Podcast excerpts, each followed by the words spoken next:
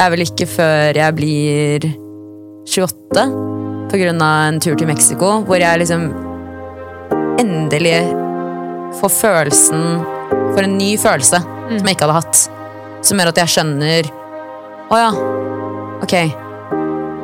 Det er ikke nødvendigvis meg som er problemet, men omgivelsene jeg tviholder på.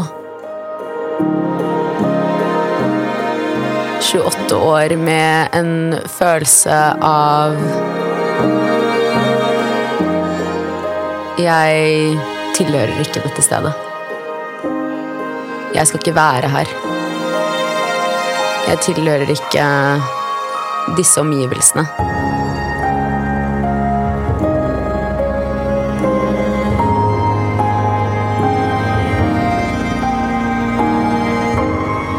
Hvor var din komfortsone? Min komfortsone var et konstant jag om å bli akseptert. Og konstant prøve å tilpasse meg andre. Ytre faktorer. Og hele tiden prøve å bli akseptert. Istedenfor å gi slipp. Fordi det var det virket Det var på en måte mer skummelt enn å Enn å bare prøve å få det til. Hva var det som var så viktig med å bli akseptert? Jeg tror fordi eh, da vi flyttet til eh, Norge, så var jeg bare seks år gammel.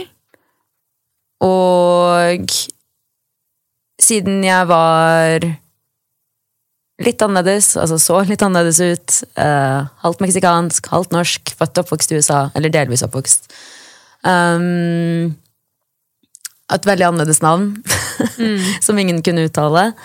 Eh, så ble jeg jo veldig tidlig lært gjennom skolen at jeg var annerledes i det miljøet jeg var oppvokst i. Hva gjorde du for å bli akseptert? Jeg la vekt på ytre faktorer.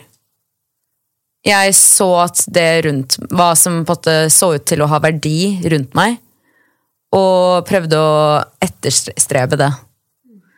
Uh, fordi da tenkte jeg at hvis jeg bare kanskje har disse tingene, ser sånn ut, er mer sånn, osv., så, så, videre, så vil det føre til at jeg også endelig blir akseptert. Hvordan opplevde du den perioden?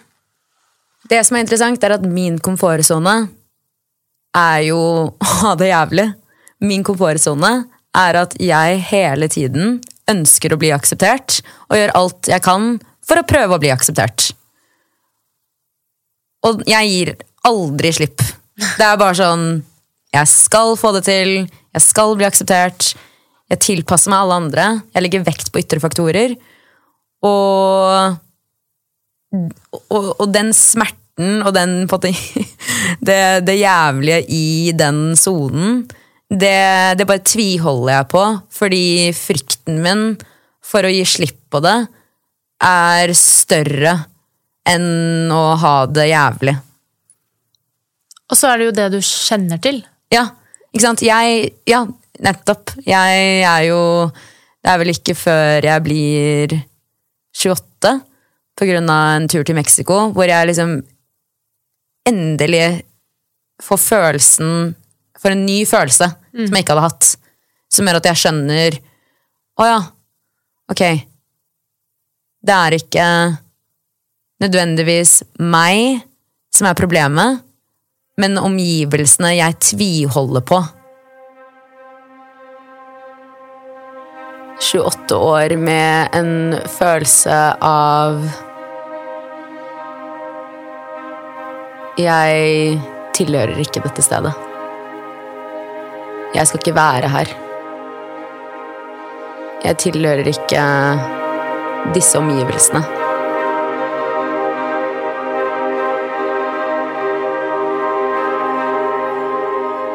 Hvor mange år tar det Hvor er vi, forresten? Jeg er oppvokst på Bygdøy i Oslo. Eh, Jeg, eller jeg er født i Houston, Texas, og så flyttet vi til Norge da jeg var sånn ca. fem-seks. Så jeg er halvt meksikansk, halvt norsk. Så reisen fra denne følelsen um, i Oslo til Mexico hva, hva, hva skjer imellom de årene der? Da karrieren tok fart, og jeg endelig opplevde aksept for alle tingene jeg aldri hadde opplevd aksept for, så kom det med en sånn følelse av at jeg kanskje Eller at jeg trodde at jeg var litt over andre.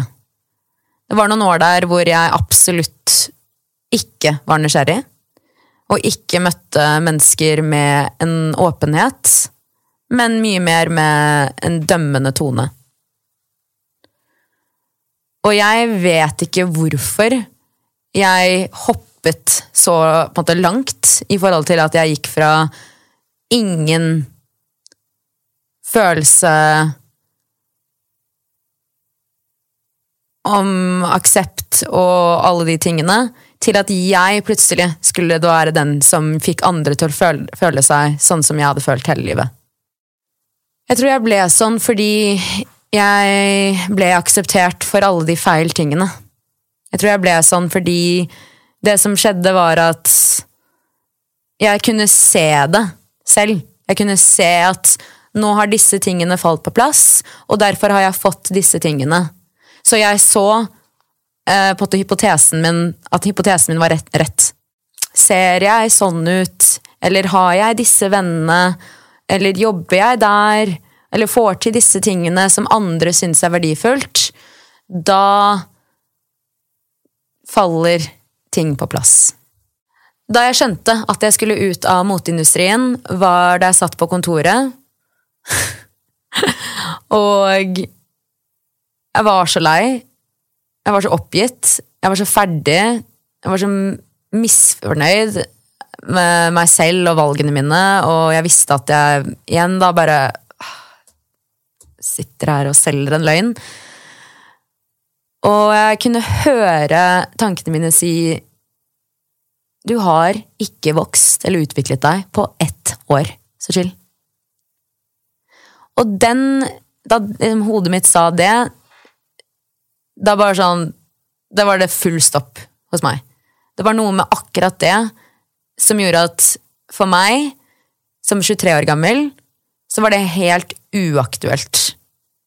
Og jeg bare visste at jeg ville mer. Og mer for meg var at jeg måtte gjøre noe som ga mening, en større mening. Og at jeg ikke kunne gå på kompromiss av mine verdier.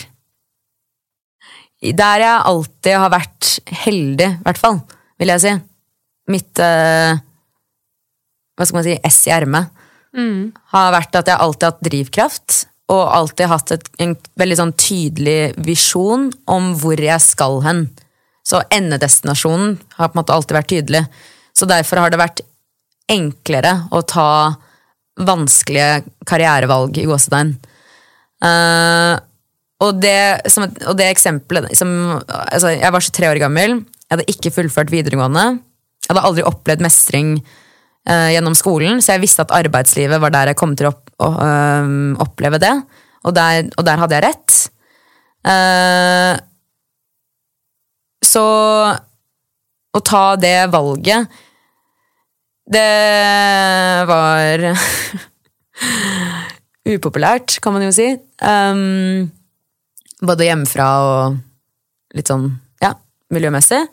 Um, at jeg da var sånn Nei, jeg skal ikke være i denne industrien. Jeg ønsker å gå inn i noe politisk, samfunnsrelatert. Uh, jeg bestemte meg for at jeg hadde lyst til å studere international relations og menneskerettigheter. Og at jeg ville bli antageligvis en war correspondent. uh, i Midtøsten. Og bare helt i de banene. Uh, så media har i hvert fall alltid vært en interesse. Uh, men jeg hadde en mentor på den tiden som kjente meg veldig godt. Og hadde jobbet mye med meg, og siden jeg ville studere international relations, så måtte jeg jo fullføre videregående for å komme inn på studiet. Så hun skulle hjelpe meg med det, og da spesielt matematikk. Um, som jeg strøk i, og det er derfor jeg ikke har fullført videregående. og hun uh, ga meg rådet om at jeg hadde såpass mye arbeidserfaring at jeg sannsynligvis kunne klare å få meg en internship eller en trainee-posisjon i noe byråkratisk. uh, og kanskje i USA, eksempel, siden jeg er amerikansk statsborger. Så jeg tok Så hun var sånn Ta, ta få deg en posisjon innenfor noe, innenfor noe sånt. Og se hvordan det føles for deg, før du committer til en så lang eh, et så langt studieløp. Jeg lyttet, eh, og fikk meg da en trainee-posisjon i US Spain Chamber of Commerce i New York den sommeren 2016. Um, det som også skjer mellom 2015 og 2016, er at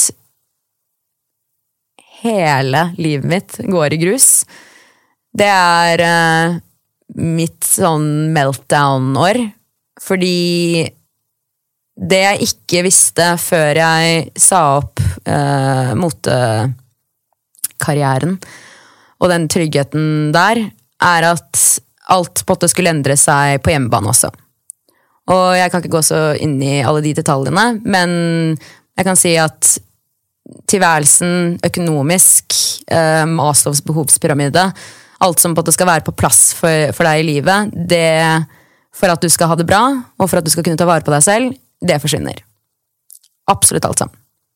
Så alt jeg kjenner til som trygghet, som ikke nødvendigvis er tryggheten i seg selv, eh, det, det går vekk. Og jeg får en fullstendig identitetskrise. Farger håret blondt. Rømmer fra Oslo. Stikker til New York. New York er det eneste stedet i verden hvor jeg har følt meg hjemme.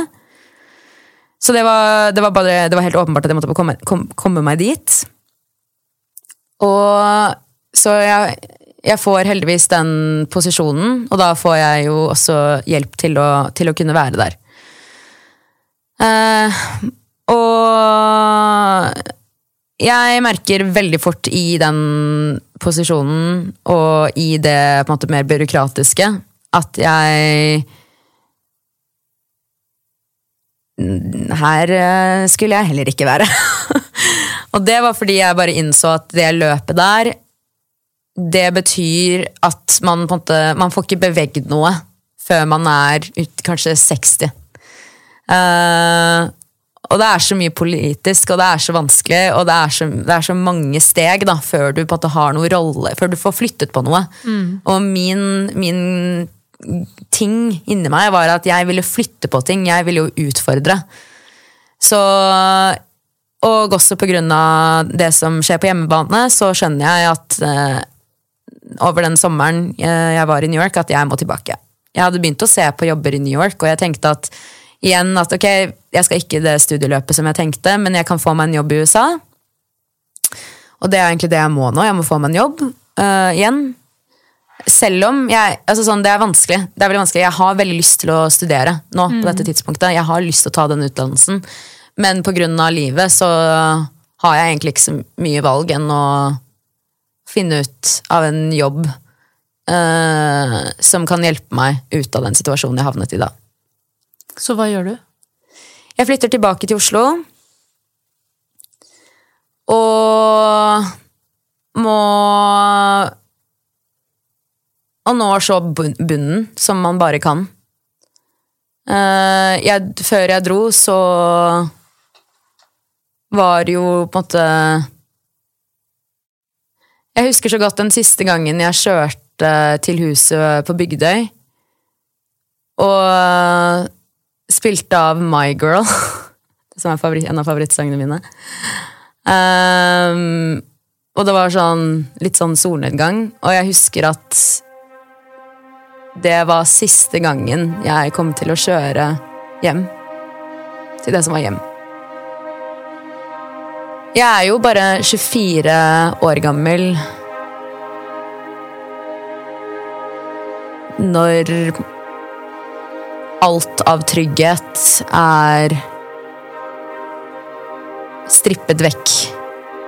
Eh, og hele alt det, alt det du har knyttet identiteten din til, er borte. Og grunnen til at jeg drar hjem, er jo fordi jeg, jeg må Jeg har jo ikke så mye valg. Også pga. økonomien. Uh, så jeg er tvunget tilbake til et sted jeg absolutt ikke vil være. Og jeg må starte helt på nytt. På alle plan. Det er noen år der hvor uh, jeg er så alene som det overhodet mulig går an å være. Når jeg sier at jeg mister alt, så mister jeg faktisk alt. Det er eh, vanskelig på hjemmebane. De relasjonene jeg hadde i livet på det tidspunktet, som man liksom kanskje trodde var, de, var sine nærmeste, var absolutt ikke det. Og det som er viktig å si i det også, er at det som skjer i denne perioden her, er at jeg er jo helt åpenbart i en, en overlevelsesmodus. Og når man er i det moduset så lenge, eh, så er man jo også ingen enkel person å være rundt. Så jeg eh, tror at det handler mye om det, men det handler også mye om at du, hvis du er rundt feil personer, så vil man ikke håndtere eh, en person som er i overlevelsesmodus. Men er du rundt rette personer for deg, så vil folk møte deg i, den, i det moduset. Og se at man er der. Og det er en lekse som kom senere i livet, men, eh, men det, det Det er i hvert fall det som skjedde. Så det var jo ikke så mye annet altså sånn Jeg pleier å si at jo lenger nede man er, jo større grunn du har til å plukke deg selv opp. Og jeg så det som skjedde, og jeg på en måte bare var sånn det, det jeg ikke helt visste, var hvor jeg skulle starte. Jeg har nå kommet tilbake. Jeg har ingenting uh, lenger. uh, og det eneste jeg vet, er at jeg, jeg må finne meg en jobb. Det er kanskje den, en, den eneste tingen som på en måte står veldig tydelig for meg. Og tilfeldigvis så var jeg på en Right to Play-seminar, faktisk. Um, med broren og moren min. Hva er det du ser eller observerer, eller hvem er det som inspirerer deg den dagen på Right to Play? Det var så mye. Det var bare første gang jeg var i en, en setting, en sal, og hørte Eller lyttet til mennesker som som snakket stort om ting. Og bredt og annerledes. Og det var diverse, det var mangfold, det var eh, det, det var på en måte bare plass til å være annerledes, kanskje. Og plass til å dele store tanker, og det inspirerte Og det var med verdi, ikke sant? Det var at jeg lyttet til mennesker med tanker om hvordan man skulle bevege ting, flytte på ting, utfordre det som allerede var. Og når du på en måte hele livet har vært en som har stilt veldig mye hvorfor-spørsmål, men blitt veldig skutt på det, så var det veldig gøy å plutselig sitte i en setting hvor det, det, hyll, det ble hyllet. da. Så det bare tente en sånn flamme i meg som gjorde at jeg også så at å, det finnes steder hvor det er plass til å utfordre. Og det blir akseptert og egentlig lyttet til. Så du blir den dagen så blir du inspirert. Ja. Hva bruker du den inspirasjonen til? Hvor er det det tar deg? Jeg gikk jo inn i moteindustrien fordi jeg egentlig ønsket å endre et verdiprinsipp som jeg så der. Og, så det var på en måte tosidig at jeg gikk hjem med inspirasjonen om at ok, startups er ikke bare et sted hvor du på en måte får plass til å utfordre det som allerede er, men du kan også utvikle og bygge ting basert på dine verdier. Og det var det jeg på en måte begynte å kartlegge. Uh, og siden jeg hadde den bakgrunnen jeg hadde i mote og kommunikasjon, så uh, ble det litt rett frem, og, eller det var litt tilfeldig at jeg da fant en startup som jobbet mot den industrien, men produktet var en tjeneste som skulle gjøre det enklere for konsumenten til å kunne leie istedenfor å kjøpe da klær. Eh, men produktet man utviklet, var jo en teknisk, teknologisk tjeneste mm. som skulle muliggjøre det. Og det var da Fjong. Og så etter hvert i den Fjong-perioden så er det viktig å nevne at når jeg får en stilling og har litt sikkerhet i det, så begynner jeg også å få hjelp på, fra et hold hjemmefra igjen. På den økonomiske fronten. Uh, og etter hvert får jeg da mer hjelp fra venner for å f.eks. starte det som er Ekspandir i dag. Uh, og grunnen til at jeg nevner det, er fordi jeg vet at hadde jeg ikke mottatt den hjelpen, så ville alt tatt veldig mye mer lengre tid. Og jeg, hadde, jeg, tror jeg hadde kommet meg gjennom det, men jeg vet at det hadde tatt vanvittig mye lengre tid, og derfor er det alltid viktig å nevne uh, den hjelpen man får i, i hvert fall veldig tøffe, krevende perioder. Hvilken læring tar du med deg fra Fjong i din reise? Eh, mye, men jeg tror det som skiller seg ut, er mestring innenfor et felt jeg aldri trodde jeg skulle inn i. Hva ga den mestringen deg?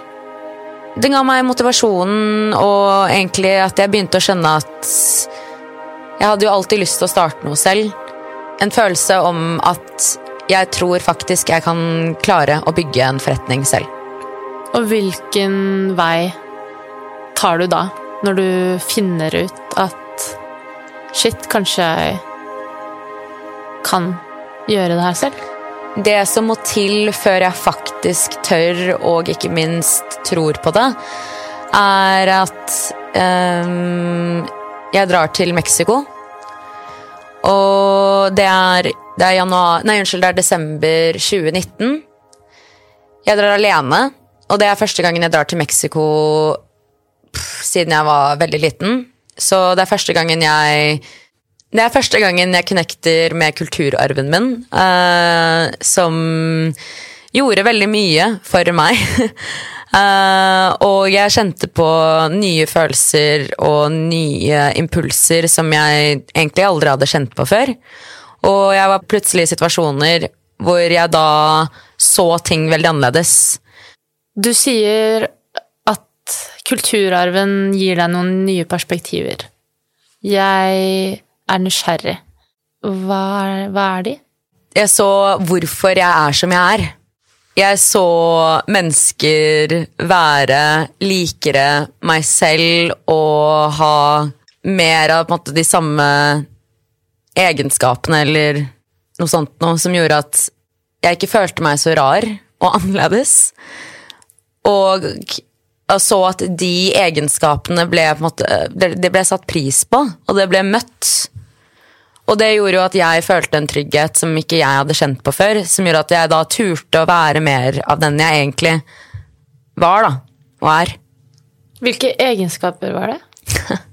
Eh, det var vel mer en sånn veldig imøtekommende, åpen, ærlig energi som gjorde at jeg bare å oh, ja, ok. Dette var jeg, jeg, jeg, liksom, jeg, kunne spille med den energien eller følelsen som gjorde at jeg også da slapp det frem i meg selv. Og stilte mer spørsmål, var mer åpen, delte selv, fikk det tilbake. Og bare måten man er på, om det er å ja, snakke litt mer med hendene og Ja, jeg vet ikke. Ta altså, sånn, plass. Sånn, ta plass. Ja, takk, det er det jeg leter etter. Mm. Og ta plass, men uten at, kommer, uten at, det er på en måte som er arrogant eller kvalmende eller noe. Det er bare en ærlig En veldig varm eh, Imøtekommende er ordet, rett og slett. Bare imøtekommende og ikke dømmende. Du møter likesinnede og åpne, nysgjerrige mennesker som gir deg plass. Men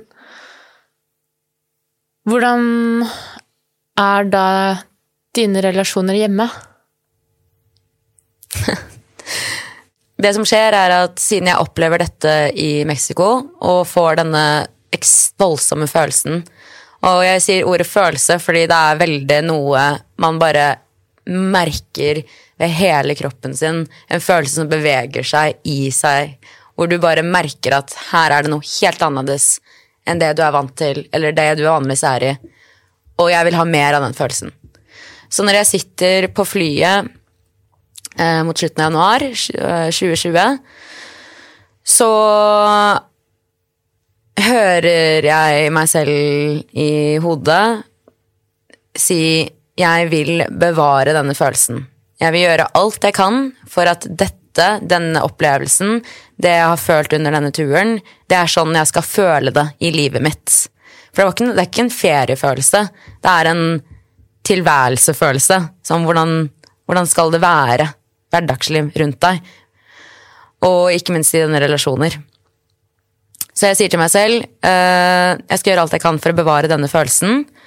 Og jeg tar ekstremt aktive valg, og det er basically ja og nei. En sånn et navig navig navigasjon jeg har i hodet mitt om hvor jeg stepper måte, foten min ut i noe. Og hvis følelsen ga meg nei, så var det bare ut av livet. Og hvis følelsen ga meg ja, den, den, den var likere den følelsen som skulle bevares, da, var det, da skulle det fortsette. Og sånn holdt jeg på frem og tilbake i ja, lenge. Og, jo, og, det var bare ja, nei. Og så kuttet jeg ut alt som ga den det som førte til nei. Hvordan kan du beskrive litt de følelsene i forhold til hvordan man finner ut av det selv, da? Hvis du går fra settinger og mennesker, og du har angst, og du føler at du pustet feil, sa noe feil, var litt rar, du var ikke helt der, du var ikke helt til stede, du var ikke helt med, du er litt usikker i relasjonene. It's a hard motherfucking no. uh, du skal ikke gå fra middager med venner og ha angst. Du skal ikke gå fra jobben din eller kollegene dine og ha angst. Du skal ikke gå fra alle mulige settinger hvor du er sosial, og hvor du, skal, det, det, er ikke riktig. Og hvis noen går rundt og tror at det er riktig å ha en litt weird magefølelse når du går fra settinger blant andre mennesker, det er ikke normen. Og det er det man må skjønne. Og, og det, er, det er beinhardt å rive seg ut fra det, fordi det betyr at du må starte på nytt. Det betyr at du eventuelt må kutte ut venner, du må kutte ut jobben eller kolleger, eller familiemedlemmer til og med, og du må finne deg, du må finne flokken din. Og det er en brutal reise. Var, på et tidspunkt her så var jeg jo på null igjen. Og, og, måtte bygge opp alt det på nytt. Fordi det var så mye som var a hard motherfucking no. Um, ved siden av det, det, med å være veldig bevisst på den følelsen og hvordan jeg skal bevare den, så skriver jeg også Det er jo blitt 2020, og jeg tror ikke nødvendigvis på nyttårsforsetter, men jeg tror på det å, å kanskje gi seg selv et spillerom som er mye større, til å kunne endre på ting. Fordi det krever veldig mye og mye mer tid enn ofte bare tolv måneder. Så jeg lager noen Post-its og det var egentlig inspirert av en jeg så på Instagram, faktisk. Uh, men på de Post-itsene skriver jeg den ene er I want to learn. Og da skriver jeg ut alt jeg vil lære. Og så skriver jeg I want to stop. Ut, skriver ut alt jeg vil slutte med. Uh, I want to start. Alt I want Ja, vil begynne med. Og så husker jeg ikke den siste. I want to continue. Alt mm. det som får lov til å fortsette. Men istedenfor at det bare er for 2020, så sier jeg ok, dette er det jeg skal, det er et 2020, nå er det et nytt tiår foran meg. Hvordan vil jeg at 2020 frem til 2030 skal se ut? Hvordan skal jeg fylle det tiåret her? Og så da har jeg på det mindsettet om at jeg skal fylle et tiår med disse elementene, som antageligvis, forhåpentligvis, skal bringe meg til det jeg ønsker å skape. Hvordan jeg vil at livet mitt skal se ut. Eh, og jeg disse Post-itsene har jeg på en sånn whiteboard, og jeg har fortsatt den whiteboarden hjemme. Og jeg ser på den titt og stadig og tenker og bare Det er så morsomt å se hvordan man en og en kan tikke av så mye på den listen, men det ville aldri vært oppnåelig hvis jeg sa at det skulle være for 2020. Det her er noe som følger meg i dag, det er noe jeg fortsatt jobber med. Og, og bare ser at siden jeg i hvert fall klarte å definere de, de tingene, så kan jeg på en måte også jeg kan, jeg, jeg, kan, jeg kan tracke det. Jeg ser at vi er på vei mot alt dette. Vi gjør disse tingene. Du sluttet med de tingene. Du er på vei til å få til disse tingene. Og da mener jeg ikke karriererelatert. Da mener jeg bare min egen selvutvikling, til og med. Altså nå, Det som måte også hjalp litt, for å være helt ærlig, var jo at covid kom i mars 2020, og um, lockdown. Så, og alle kan jo relatere til at det var kanskje en håndfull mennesker man hadde kontakt med under den perioden. Eh, men jeg fikk faktisk noen nye relasjoner i den perioden som er mine nærmeste i dag. Eh, også basert fordi jeg hadde begynt denne prosessen før lockdown. Lockdown bare gjorde at det var enklere for meg å fortsette den jobben jeg hadde startet. Eh, så ja, jeg hadde noen, eh, og har de fortsatt. Og veldig takknemlig for det. Og så er det aller mest eh, da de nye som kom inn i løpet av den perioden. Og, men der det virkelig satte i gang noe stort i forhold til relasjonsaspektet, var da jeg kom inn i Antler i juni 2020 og startet der august 2020. Det, den opplevelsen for meg, det var da Det var på en måte Right to Play-seminaret, men for meg å delta i det aktivt, å være en del av det. Jeg var blant 49 andre aspirerende gründer, gründere. Eh, og fra alle mulige nasjonaliteter, eh, land og bakgrunner og industri. Altså på tvers av alt mulig. Eh, og hver dag ble pushet til å pitche alle mulige ideer, tanker. Uh, Det var plass til bare absolutt alt, og det ble aldri altså, Jo høyere du tenkte, på en måte, jo større du tenkte, jo bedre. Jo, jo mer crazy du var, jo bedre. Og, og det å havne i en plass hvor det Eller å havne på et sted hvor det skulle få så mye plass eh, blant så mange nye mennesker, og kjenne på en sånn her Her tilhører jeg. For første gang. Dette var dette, nå, er vi, nå er vi inne på noe. Det var veldig stort. Og det gjorde også at den jobben i forhold til andre relasjoner igjen, som ikke var da karriererelaterte, men også i, pers det, i ja, personliglivet, uh, det gjorde det også enda enklere å navigere, fordi da hadde jeg noe å sammenligne med. Så det var så følelsen, men også noe veldig konkret å sammenligne med. Hvis du har noen relasjoner i livet ditt som gjør at du føler deg som deg selv, som gjør at du, du lysner, du får mer energi, bruk det som på en måte, det du sammenligner det Det er sånn det skal være. Antler var starten på nye relasjoner på alle mulige og en av de viktigste relasjonene i livet mitt. Alexandra Haudmann. Når du får en sånn grunnbase, og ikke minst du høyner standarden for hva slags relasjoner som skal få slippe inn i livet ditt, og da skjer det jo vanvittig mye endringer. Jeg tenker det som kan være skummelt, da, hvis man skal gå den veien selv, det er vel det derre å Det er så ukjent der man skal inn. Man sier at man Ok, jeg må liksom Disse menneskene kan jeg ikke ha rundt meg lenger. Men sånn som med deg også, da, at uh, du har det sånn på de menneskene rundt deg, både vennerelasjoner, men også jobbrelasjoner. Og så tar du så eh, store valg. Men du får jo en premie av at når du tør å gjøre det, og du velger et sted hvor du ønsker å være, du føler at du kan være hele deg selv, så møter du din beste venn.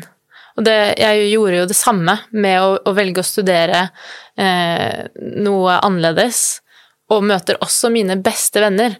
Så det er jo liksom det å tørre å ta valg som føles ut som deg. Ja, eller du må tørre å ta de vanskeligste valgene. Det skal sies at for meg og jeg følte meg jo veldig underlegen i Antler blant alle disse menneskene. Det var jo folk med mastergrads og whatnot av, av erfaring. Altså sånn way beyond min egen uh, erfaring og kunnskap. Og, og altså sånn det jeg utsatte meg selv for gjennom f.eks. det programmet, hvor jeg følte at ikke jeg var tilstrekkelig og egentlig ikke god nok til å være der. Uh, det er jo på en måte the price you pay for å få de gavene. Mm. Så du må jo våge å ta ekstremt vanskelige valg. Det er jo dritenkelt å forbli i egentlig kjipe situasjoner, fordi det er jo vanskeligere å endre det. Det er vanskeligere å, å tro at det kan komme noe bedre, eller bli bedre. Det er jo egentlig jeg, Alt det her har jo på en måte skjedd fordi man har tatt vanskelige valg, ikke fordi jeg nødvendigvis visste at det, Jeg visste jo ikke. Jeg, jeg, visste jo ikke at det skulle bli bedre. Jeg bare igjen og igjen, da, man har hatt en følelse 'dette stemmer ikke', 'dette er ikke riktig', 'dette er ikke det jeg vil'. Og så må man jo i det finne ut av 'ok, hva, hva gjør jeg nå'? Og så ved å ta jævlig vanskelige og kjipe valg, så har gavene kommet én etter én.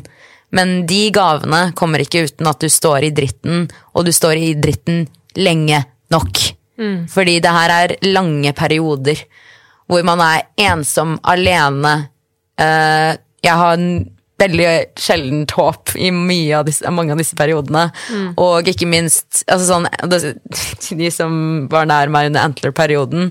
Det var jævlig mye tårer, fordi det er det presset og stresset. Du skal bygge et selskap, du skal få til en investering. Det er verken en kort reise eller en enkel reise. Men læringen er igjen og igjen det vil alltid komme noe godt ut av det. Og det, det blir jo et slags håp som er jo også utrolig fint å vite hvis man skal begi seg ut på den reisen selv, da. At vi snakker jo ofte sammen om det, sånn ok, shit, dette er vanskelig, men Står du i det lenge nok? På andre siden. Og liksom klare å dra seg framover med det, da.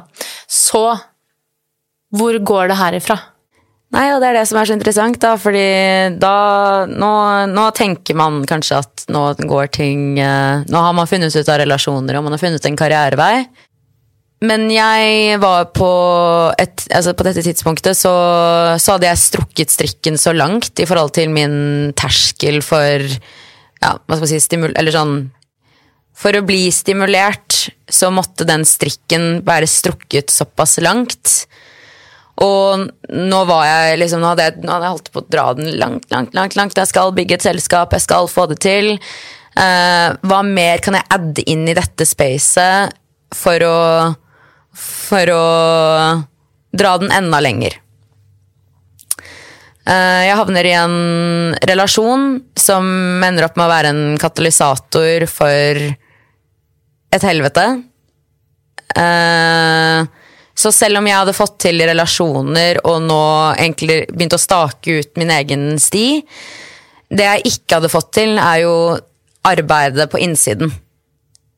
Så relasjoner er det første steget, og kanskje sånn det første jeg trenger ha på plass for å innse hva som egentlig foregår på innsiden. Og denne relasjonen er det som skal til for å knekke meg så vanvittig, da. Og det er jo ikke det, er ikke det, det, er ikke, det er ikke situasjonen. Uh, det er bare hva, hva, den utløser. Så Og det som skjer, er at Og så er jeg jo, ja, på grunn av stresset jeg hadde satt, utsatt meg selv for, og, og presset, eh, så hadde jeg jo da fått alle stressrelaterte sykdommer man kunne få. Legen min var sånn Hvis du fortsetter sånn her i det tempoet her, og hvis ikke du begynner å ta deg selv sammen, så kommer du til å få et hjerteinfarkt innen du er 40. By far. Altså sånn, jeg hadde Det var bare verdier off, alle stressrelaterte altså sånn, ja, det var, ikke, det var ikke bra. Men det var ikke nok det var for meg til å virkelig ta tak i noe. Det var en sånn, en skikkelig sånn stab og, som skulle til for at jeg da falt såpass langt nede at jeg var såpass dårlig, såpass syk, såpass ødelagt til at jeg var, jeg var tvunget til å ta tak i det som foregikk på innsiden. Det var første gangen jeg da innså at jeg trengte hjelp, så jeg fikk meg en psykolog. Og det, var, og det er da første gangen jeg gjør det, og er nå 29 år gammel. Ja. Utgangspunktet her er jo at det er så mør mørkt, og, mørkt og dårlig at jeg Gjøremålet som, som man blir enige om, er at jeg må bare komme meg ut av døren.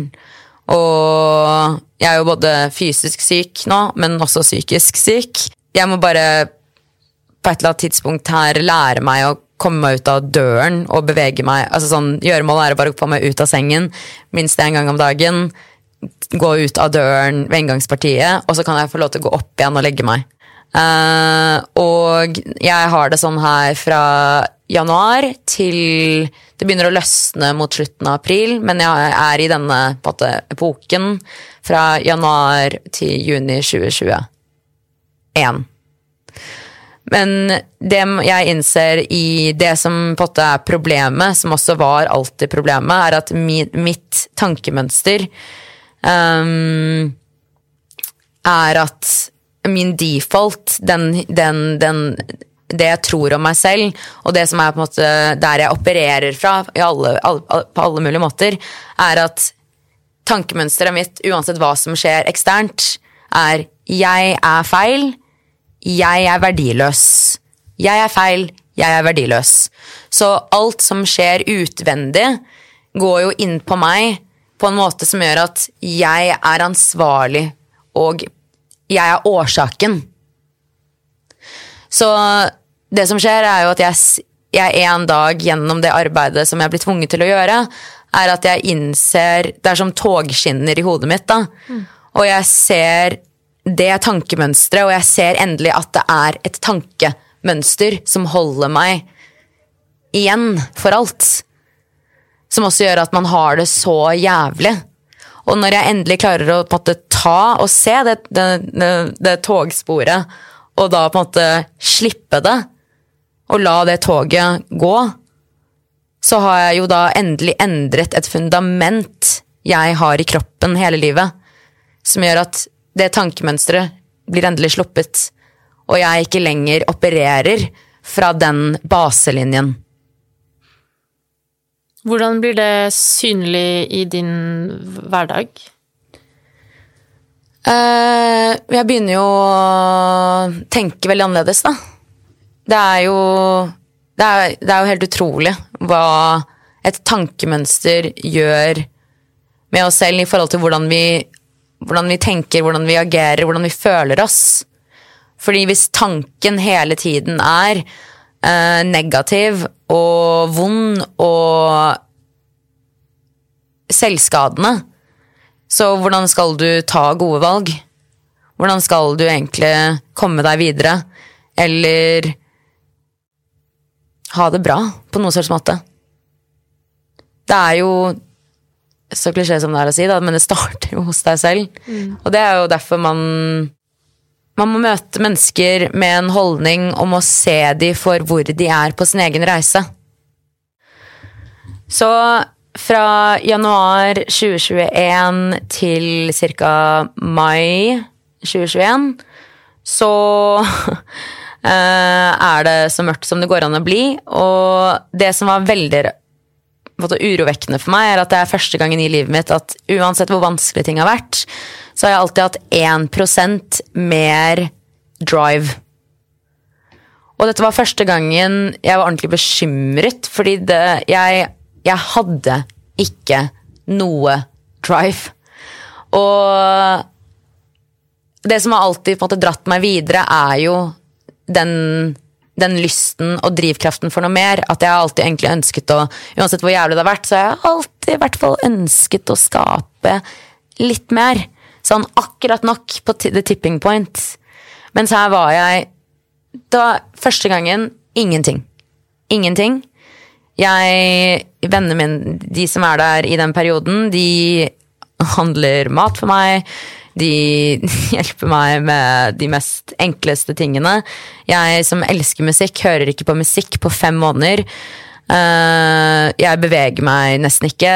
Det er ingenting. Det er ingenting gjennom meg. Og jeg må få opp den fysiske helsen min samtidig som jeg får opp den psykiske helsen min. Um, men når jeg endelig kommer meg ut av det, og den jobben som ble lagt ned for å komme meg ut av det, er også resultatet til at jeg endelig stifter selskapet mitt i dag. Eh, Ekspandir. For å bare gjøre en recap, da. Du tar tak i relasjonene dine. Både hvilke venner du vil ha, hvilke mennesker um, som er viktig å jobbe med, eller kanskje også lent mot verdier og dine verdier. Det skal en stor læring til i liksom kjærlighetslivet og relasjoner som ofte liksom går på deg selv, og den smellen viser at shit, her, her er det en del å jobbe med. Hva er det du begynner å jobbe med? Selvverd og selvtillit. Jeg har null selvverd og null selvtillit. Uh, og det er det jeg syns litt av inspirasjonen til denne podkasten også kommer fra, i forhold til at Jeg tror Eller jeg har i hvert fall når jeg har møtt eh, enkelte mennesker som har vært sånn Å, du er så tøff. Eller fryktløs, og, og det virker som om det er så naturlig for deg. Så har jeg alltid vært sånn, og det er jo på en måte også for, hvorfor jeg har et anstrengt forhold til Instagram spesielt. Det er fordi det er så det man poster, er på en måte høydepunktene og når man får til noe. Men det er ingen som vet denne reisen og hva det har krevd. Jeg er nok ute etter å gi meg et ærlig bilde av reisen, hva som kreves, eh, og at man er ikke fryktløs.